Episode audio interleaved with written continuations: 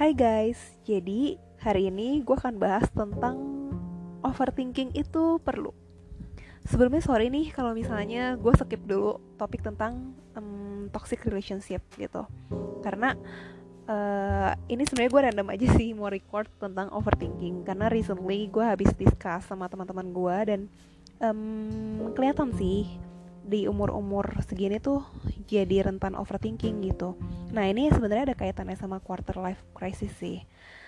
Mungkin gini, ketika kita udah di umur-umur 20-an, kita jadi lebih kritis melihat sekeliling kita dan juga melihat diri kita sendiri nih. Kebanyakan pertanyaan kita adalah kita mau jadi apa ya nanti berapa tahun lagi gitu. Nah, kenapa gue bahas overthinking itu perlu? Sebenarnya ini juga berawal dari hal yang gue alami sendiri sih. Gue sempat mengalami stres sempat banget ngerasa gue khawatir banget akan masa depan. Gue takut gue belum melakukan yang terbaik. Gue takut rencana-rencana gue gagal. Gue takut terlambat untuk memulai segala ses sesuatu gitu. Dan banyaklah ketakutan-ketakutan lainnya gitu. Dan ternyata nggak cuman gue yang ngalamin itu. Ketika gue kumpul sama teman-teman gue mereka juga memikirkan hal yang sama dengan status mereka yang single maupun in a relationship. Nah, ini mungkin juga ada kaitannya sih sama episode gue yang sebelumnya gitu. Baik single sama in a relationship pasti ada pergumulan masing-masing ya. Nah, kenapa gue bisa sampai pada suatu kesimpulan overthinking itu perlu? Padahal itu kan bikin stres ya. Dan termasuk gue juga pernah stres gara-gara itu. Oke, okay, jadi menurut gue selama hal yang kita pikirkan itu bergerak ke arah yang positif, that's good.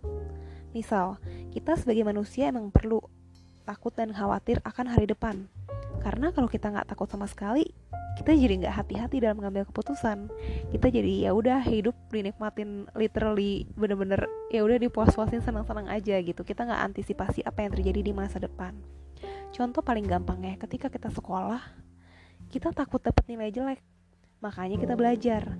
Itulah kenapa kita perlu overthinking. Kita perlu rasa takut dan kecemasan itu. Kita perlu rasa stres itu untuk mendorong kita ke arah yang positif. Coba kalau misalnya waktu sekolah kita nggak takut, kita santai aja kayak, yaudahlah ujian pasti lulus.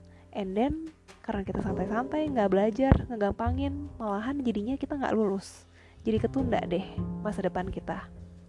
Walau ya memang sih nggak menentukan keberhasilan juga. Well tapi intinya gue mau memberi ilustrasi kalau rasa takut dan khawatir itu sebenarnya perlu banget untuk mendorong kita ke arah yang lebih maju.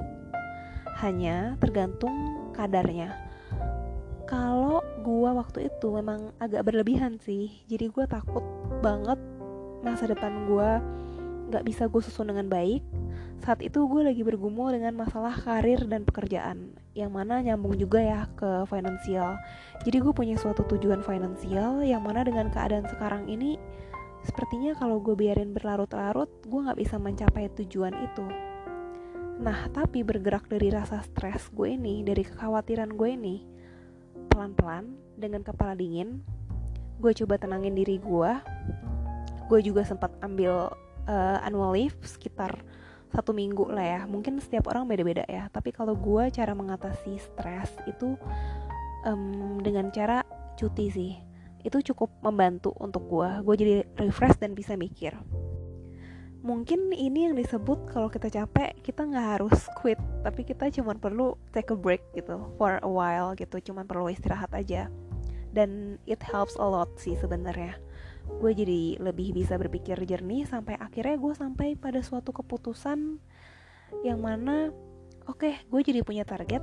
Tahun ini gue harus memulai side hustle gue um, di bidang A misalnya. Sehingga kalau gue gagal dalam setahun gue bisa mencoba bidang B gitu.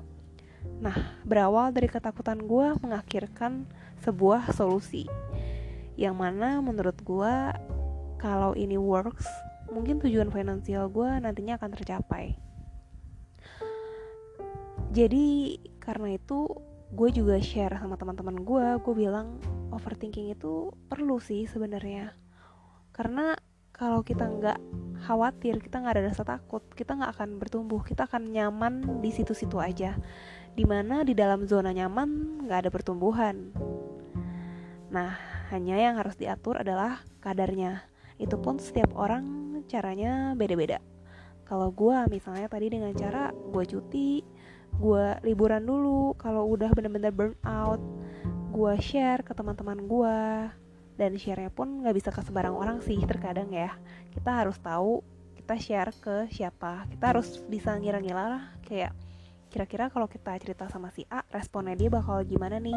Kalau kita tahu orang yang nggak konstruktif melainkan malah destruktif yang beri saran-saran kira-kira ngaco nih atau memberikan vibes negatif yang ngapain kan? Gitu that's why memang kita perlu wise juga gitu untuk pilih kepada siapa kita cerita kepada siapa kita harus minta saran gitu. Uh, mungkin sekian aja sih dari gua. Semoga bisa membantu teman-teman sekalian ya. Have a nice day